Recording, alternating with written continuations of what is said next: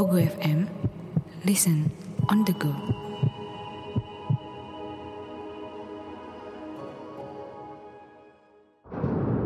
Hai, saya Chow Sing Sing. Selamat datang di podcast Horror Night Story. Pasang telinga, buka pikiran, dan biarkan rasa takut merayap di dalam dirimu.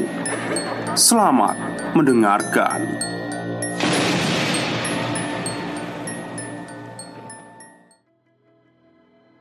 Assalamualaikum warahmatullahi wabarakatuh. Halo semuanya.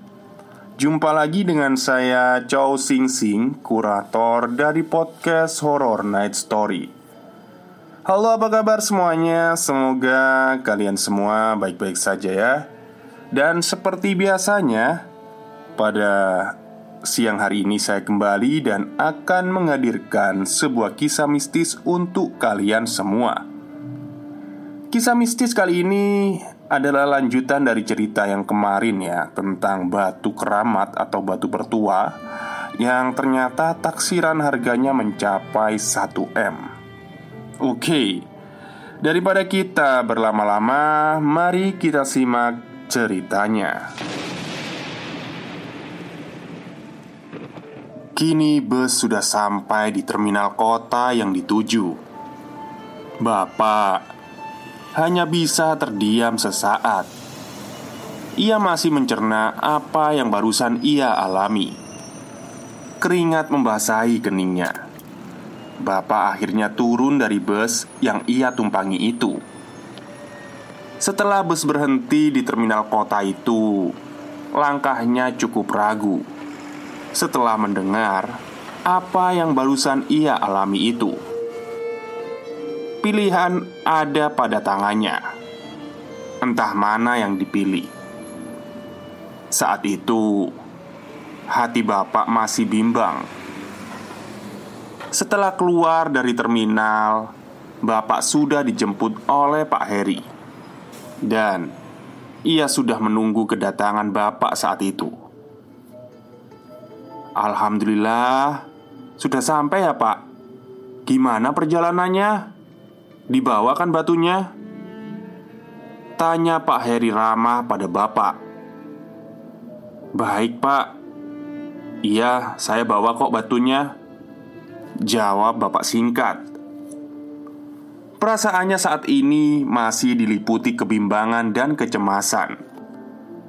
Ia tidak akan tahu Apa yang akan terjadi selanjutnya. Sudah makan belum pak?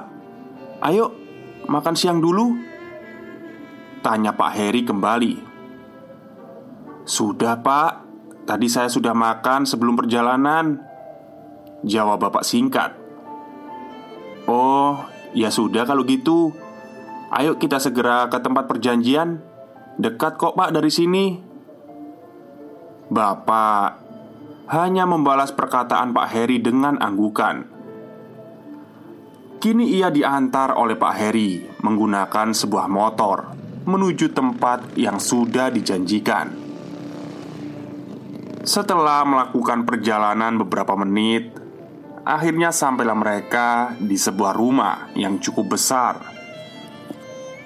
Terlihat dari gerbangnya saja sudah membuat bapak minder saat akan masuk ke dalamnya.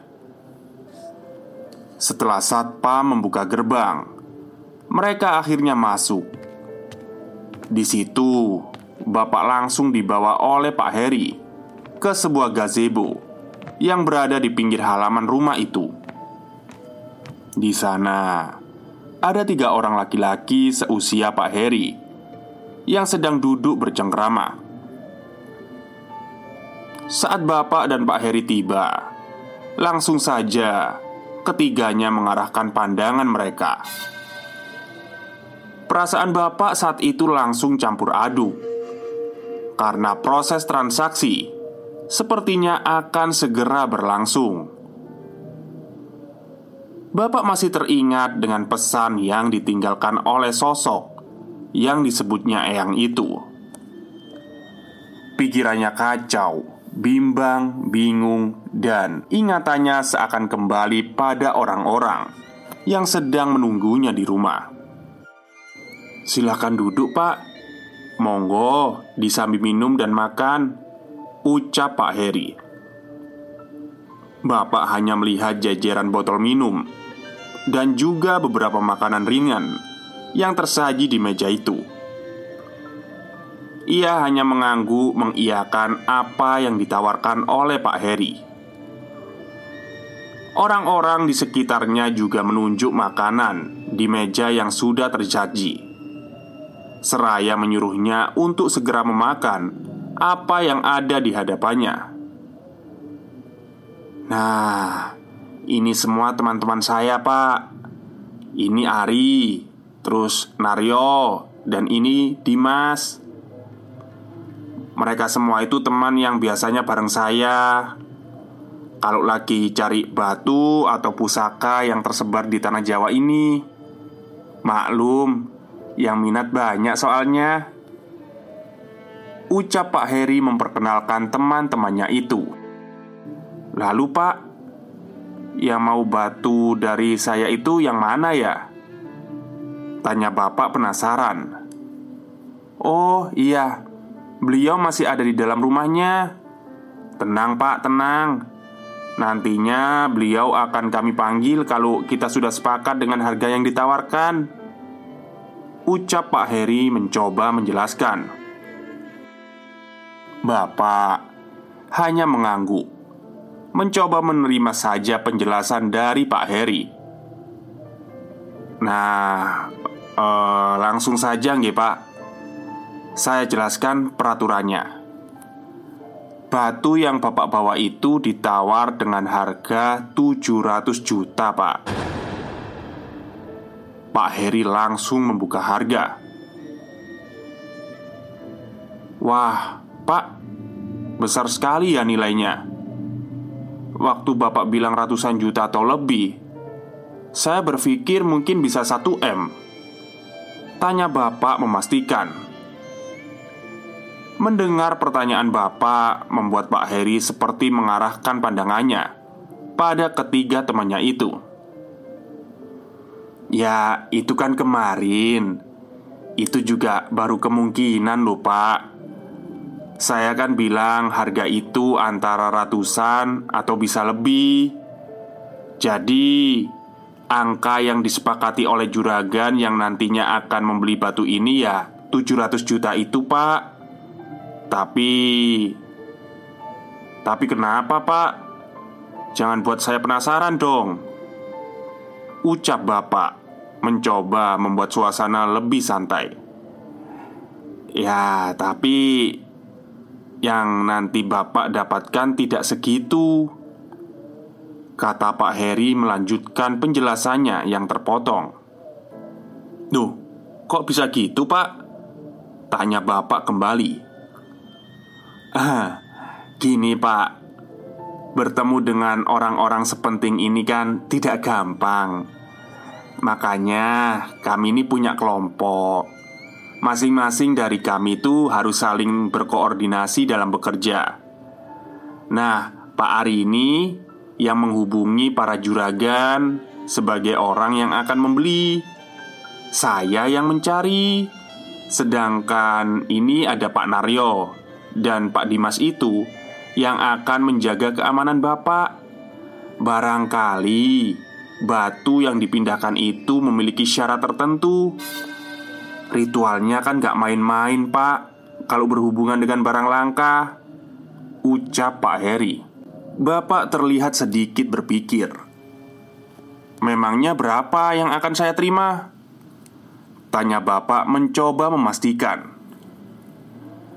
uh, Bagi Bapak mungkin sudah banyak ya Pak Bapak akan mendapatkan 300 juta Uang itu akan Bapak bawa pulang Kalau ada apa-apa bisa kok kami kawal saat di jalan Jawab Pak Heri Mencoba terus meyakinkan Bapak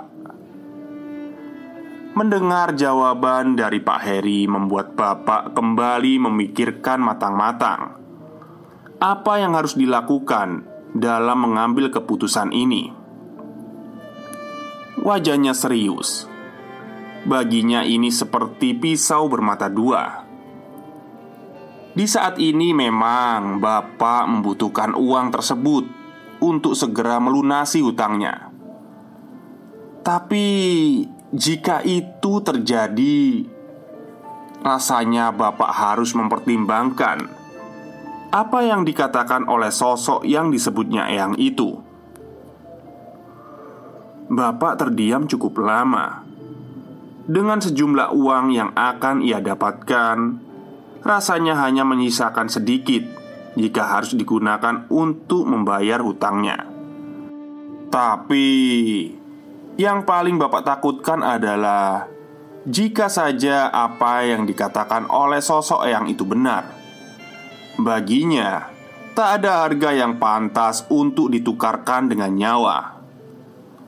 Tindakan keji ini tidak akan Bapak ambil Tiba-tiba saja angin di sekitar itu bertiup sejuk.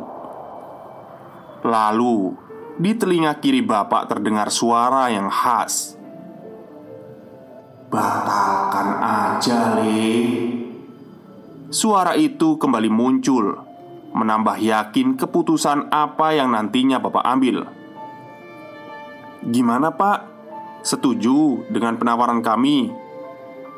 Kami nggak nipu loh pak Ini kami sudah jujur Buka semuanya dengan gamblang Ucap Pak Heri yang membuat bapak tersadar dari lamunannya Sebenarnya apa yang bikin bapak ragu itu? Nilainya udah bagus loh pak Kapan lagi dapat rezeki seperti ini? Pak Heri kembali berucap mencoba mempengaruhi keputusan yang akan Bapak ambil. Uh, Pak Heri dan semuanya Sebelumnya Saya mohon maaf ya yang sebesar-besarnya Sepertinya saya tidak bisa menyerahkan batu itu setelah terdiam beberapa menit, akhirnya Bapak menjawab pertanyaan dari Pak Heri. Jawaban dari Bapak membuat semua orang yang duduk nampak tegang. Wajahnya menatap serius, membuat aura intimidasi benar-benar dirasakan oleh Bapak. Namun, dalam situasi ini, Bapak mencoba untuk tetap tenang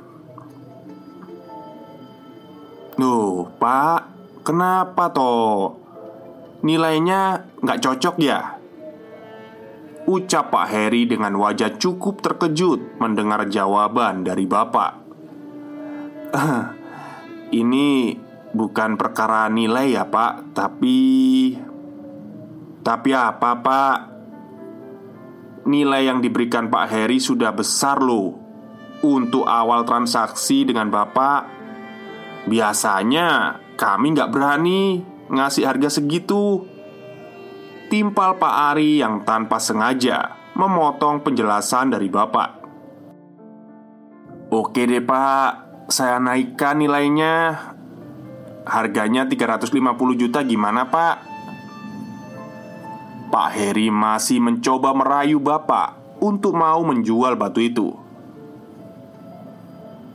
Sebelumnya Mohon maaf Saya mau tanya Sebenarnya batu ini mau digunakan untuk apa ya? Masa hanya buat koleksi saja? Tanya bapak penasaran Untuk apanya batu ini nanti Jenengan itu nggak usah tahu Yang jelas Ini ada kaitannya dalam pengembangan usaha yang sedang dirintis oleh juragan. Cukup toh? Nah, sekarang gimana keputusannya Bapak? Ucap Pak Heri. Saya tetap gak mau melepaskan batu ini, Pak. Saya nggak. Loh, gimana? Kan kemarin saya sudah kasih uang Bapak 10 juta dalam amplop. Udah Bapak terima loh. Potong Pak Heri Sebelum Bapak menjelaskan Justru itu Maksud saya datang kemari Buat ngembaliin uang ini pak Bapak lalu mengeluarkan amplop dari dalam tasnya Dan meletakkannya di meja Sontak Semua orang yang melihat itu Seakan tidak percaya dengan apa yang dilakukan oleh bapak. Hmm, sekarang tugas saya sudah selesai pak. Saya pamit ya pak. Saya sudah tahu jawabannya sekarang. Ucap bapak dengan wajah menegang. Pikirannya sudah bulat. Ia tidak peduli lagi Jika akan terjadi sesuatu pada dirinya itu Di depannya sudah berdiri empat orang laki-laki yang kini merasa seperti dipermalukan oleh sikap dan penolakan dari bapak. Sekarang di mana batunya, Pak? Enggak saya bawa, ucap bapak ngelantur. Jelas-jelas batu itu masih di dalam tas yang ia bawa. Ia menjawab pertanyaan itu sekenanya saja, berharap bisa keluar dari rumah besar itu. Tiba-tiba saja Pak Dimas merebut tas yang Bapak bawa dengan paksa. Bapak mencoba mempertahankan tas itu, tapi bogem mentah mendarat di wajah Bapak dan membuatnya terjatuh. Pak Heri yang melihat hal itu seperti mencoba menahan, namun keadaan sudah mulai kacau. Tas yang dipegang oleh Pak Dimas sudah dikeluarkan semua isinya. Tapi hal aneh terjadi. Batu yang mereka cari keberadaannya tidak ditemukan. Sampai tas yang bapak bawa kosong. Batu itu hilang, lenyap di telan bumi. Bapak lalu terbangun dari posisinya semula. Menatap semuanya yang ada di situ. Berani-beraninya Sampean semua menyakiti orang yang cacat seperti saya. Ucap bapak sambil memegang pipi sebelah kirinya. Sudah saya bilang Batu itu nggak ada. Saya nggak bawa batunya. Ucap bapak sambil menahan kemarahannya Emosinya sudah tak bisa dibendung Namun logikanya masih bisa dipertahankan. Uh, Pak Mohon maaf ya pak. Maafkan sikap teman-teman saya. Ucap Pak Heri yang seperti menyesal melihat sikap Yang dilakukan oleh teman-temannya itu. Bapak lalu maju Bergegas Merapikan barangnya Memasukkannya kembali ke dalam tas Wajahnya nampak bingung Ke mana perginya batu itu? Jelas-jelas batu itu di bawah. Apakah sudah diambil oleh salah satu teman Pak Heri? Atau memang hilang? Ah, apa pun itu, yang terpenting Bapak sekarang bisa keluar dulu dari tempat itu. Urusan saya di sini udah selesai. Saya mau pamit. Itu uangnya.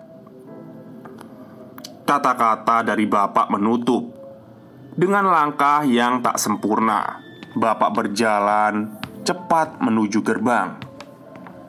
Dalam pikirannya, semoga saja tidak ada yang mencegatnya keluar. Setelah bersusah payah untuk bisa keluar dari rumah itu, akhirnya kini bapak sudah sampai di terminal, menunggu bus yang akan membawanya kembali ke kota tempat tinggalnya. Bapak termenung di dalam penantiannya.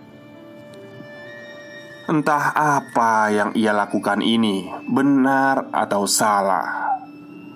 Membuang begitu saja nominal yang besar yang sudah ditawarkan oleh orang-orang tadi. Tapi peringatan dari sosok Eyang itu tidak bisa dilupakan begitu saja.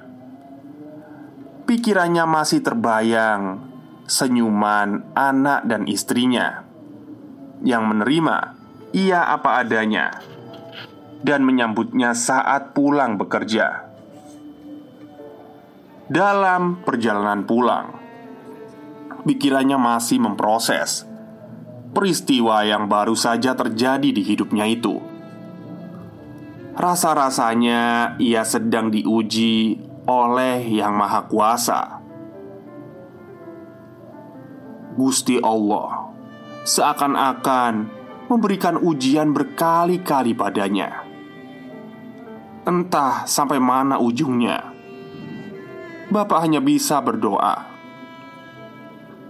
Semoga keputusan yang ia ambil kala itu tidak akan membuatnya menyesal di kemudian hari. Bapak lalu memeriksa tas yang ia bawa. Batu yang sedari tadi dicari oleh komplotan Pak Heri ternyata masih ada di dalam tas itu. Padahal awalnya Bapak berpikir batu itu sudah hilang.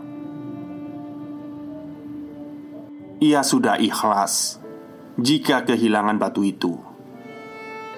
Toh, ia tidak akan menerima sepeser pun uang hasil dari pertukaran batu itu mungkin itu tidak akan berpengaruh dalam kesepakatan yang ditawarkan oleh sosok yang itu. Karena jelas batu itu diambil dengan paksa, namun entah apa yang terjadi, kini batu itu masih ada di dalam tasnya. Bapak lalu memejamkan mata sejenak, bersyukur apa yang baru saja ia alami Setidaknya ia hanya mendapatkan satu pukulan bogem di wajahnya, bukan lebih. Yang terpenting, ia bisa keluar dari rumah itu, keluar dari jeratan komplotan Pak Heri. Dalam lamunannya, Bapak mendengar ada suara yang seperti berbicara di dekat telinganya. Bagus, Le. Apa yang kamu jalani bagus. Jalan yang kamu pilih bagus. Aku nggak sudi kalau harus menuruti nafsunya manusia. Sosok Eyang, suaranya terdengar jelas kembali, membuat tenang hati bapak. Setidaknya apa yang ia pilih ada yang mendukung. Bapak sampai kembali ke rumah di waktu sudah malam. Ibu dan kami semua bertanya-tanya tentang apa yang terjadi. Muka bapak terlihat lebam di sebelah kiri, dan bapak akhirnya menceritakan semuanya. Yang ia temui adalah makelar yang memang pekerjaannya mencari barang-barang antik dan pusaka, serta batu-batu yang memiliki kekuatan dan khasiat. Bapak bercerita sambil tersenyum. Sesaat kemudian, Bapak menangis, meratapi apa yang telah ia alami hari ini, dan sebuah pernyataan aneh keluar dari mulut ibu. Mbok biarkan saja toh pak. Aku ini nggak apa-apa. Aku nerima Yang penting Kamu dan anak-anak bisa hidup bahagia. Ucapan ibu membuatku melongo. Bisa-bisanya ibu berkata seperti itu. Entah itu serius atau bercanda. Namun jika itu candaan rasanya waktunya kurang tepat. Bu Aku itu nggak main-main dengan hal seperti itu Bisa jadi awal minta satu. Bisa jadi selanjutnya anakku. Seperti apa yang dialami oleh keluarga temanku. Dia dan seluruh anggota keluarganya habis nggak tersisa. Terjebak kesepakatan dengan iblis. Harta itu bisa dicari, Bu, tapi nggak ada harga yang pantas untuk nyawa dari seseorang. Ucap bapak menutup kejadian waktu itu. Kesimpulan yang bapak ceritakan pada saya Ada juga sosok jin atau apa pun namanya Yang tidak mau diganggu. Ia lebih memilih tenang dan tidak ingin menuruti manusia. Dalam sebuah perjanjian, pasti ada sebuah penawaran. Hal ini yang harusnya bisa dipilih baik-baik oleh manusia itu sendiri, karena manusia diberikan akal juga selain nafsu. Semuanya harus digunakan secara berimbang. Ada hal lain yang membuat saya terkejut saat Bapak bilang, "Yang Bapak takutkan itu bukan masalah yang berkaitan dengan goib, tapi andai saja waktu itu batu putih ditemukan oleh teman Pak Heri. Entahlah apa yang akan terjadi.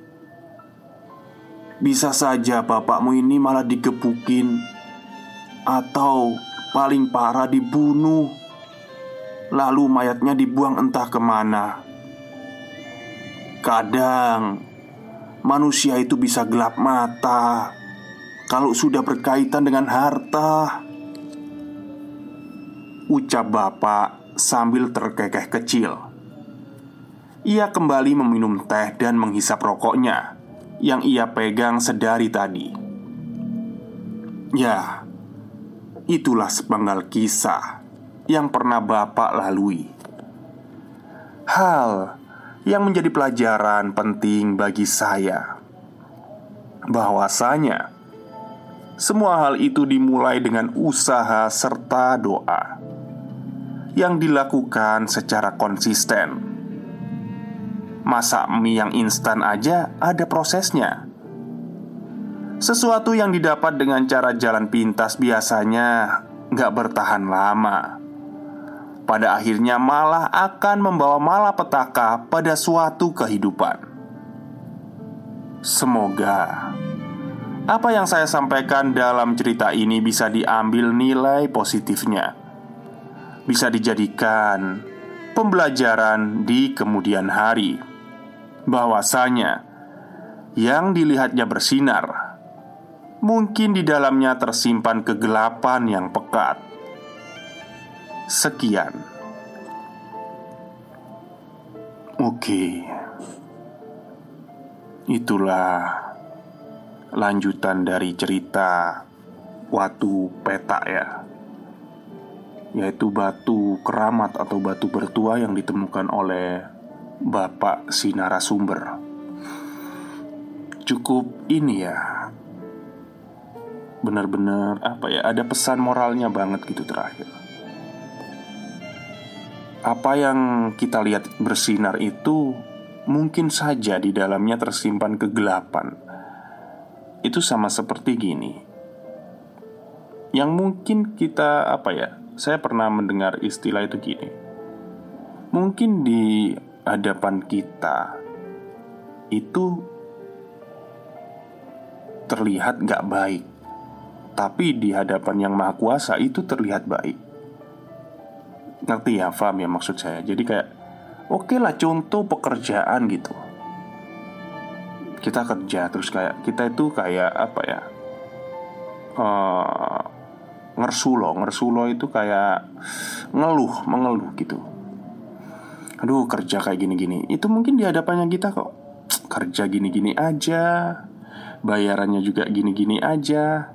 Tapi di hadapan yang maha kuasa kan beda lagi gitu Pokoknya ya intinya pandangan kita sama yang di atas itu beda lah Jadi ketika kita mendapatkan sesuatu yang tidak kita senangi Itu bisa jadi itu adalah sesuatu yang disenangi oleh yang di atas Oke mungkin itu saja cerita untuk siang hari ini Kurang lebihnya saya mohon maaf. Wassalamualaikum warahmatullahi wabarakatuh.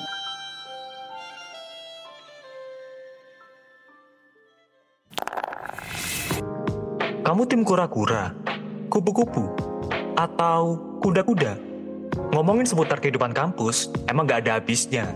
Apalagi bareng kita, di Podcast Nirvana. Bareng gua Dito, Tita, dan Max, yang rilis setiap hari Kamis dan Minggu, eksklusif hanya di Pogo FM.